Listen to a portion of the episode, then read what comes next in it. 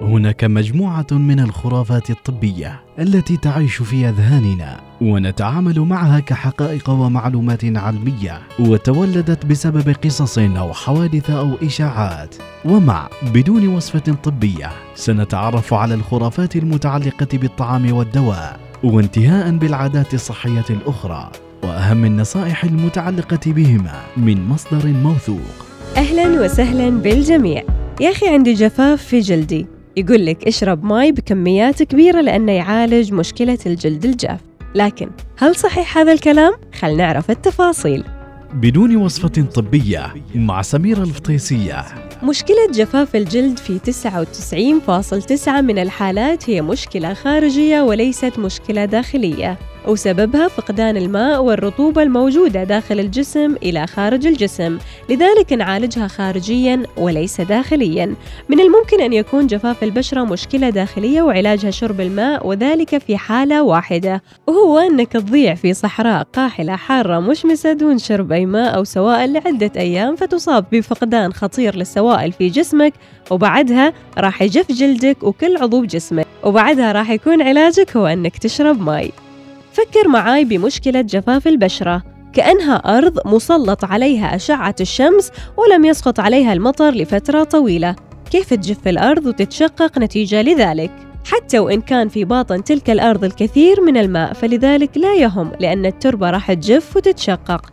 كذلك جلدك راح تجفف العوامل الخارجية ويبقى جسمك بالداخل رطب بسبب الماء والسوائل الموجودة في الداخل. طيب إيش تسوي إذا جفت بشرتك؟ إذا جفت بشرتك راح تحس بالآتي جفاف وتقشر للجلد ثم الإحساس بأن الجلد مشدود بعدها راح تأتي الحكة اللي تسبب التورم والحرقان وإذا طال الجفاف دون علاج ستظهر الخطوط والتجاعيد على البشرة. وفي مجموعة من الأسباب اللي تخلي الجلد يجف. أولها عدم حماية أو ترطيب البشرة بصورة دورية.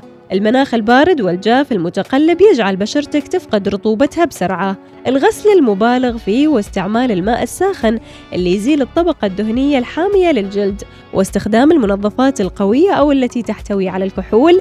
أمراض ممكن أن يصاب بها الإنسان مثل خمود الغدة الدرقية السكر وبعض الأدوية مثل دواء الليبتور اللي نستخدمه لعلاج ارتفاع الكوليسترول.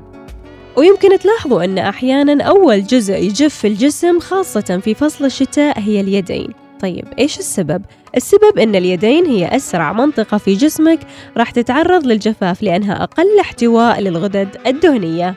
خلاصة الموضوع إذا كنت تعاني من جفاف في جسمك فعليك أن تقوم بما يلي. أولها هي مراجعة الطبيب لاستبعاد الأسباب المرضية المسببة لجفاف الجلد كخمول الغدة الدرقية. الخطوة الثانية الالتزام بهذه النصائح البسيطة.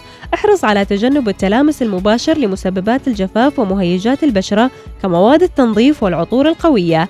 استخدم الماء الفاتر عند الغسل والاستحمام وتجنب استعمال الماء الساخن.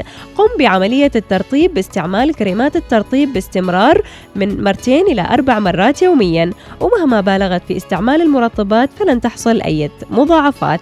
وأخيرا الحقيقة العلمية تقول إن شرب كميات كبيرة من الماء لن يعالج مشكلة الجلد الجاف أو يحسنه بمفرده. جفاف الجلد في الظروف العادية ليس له علاقة بمقدار شربك للماء. ومن الناحية العلمية لا توجد أفضلية لشرب الماء ساخن أو فاتر أو بارد. كل المطلوب منك أنك تشرب حاجتك من الماء بدرجة الحرارة اللي تحبها. الله أعطانا الفم البلعوم والمريء يمر فيه كل سائل نشربه. فتدفأ السوائل الباردة وتبرد السوائل الساخنة حتى تصل المعدة بدرجة حرارة مناسبة. وتقبل الله طاعتكم ويومكم سعيد.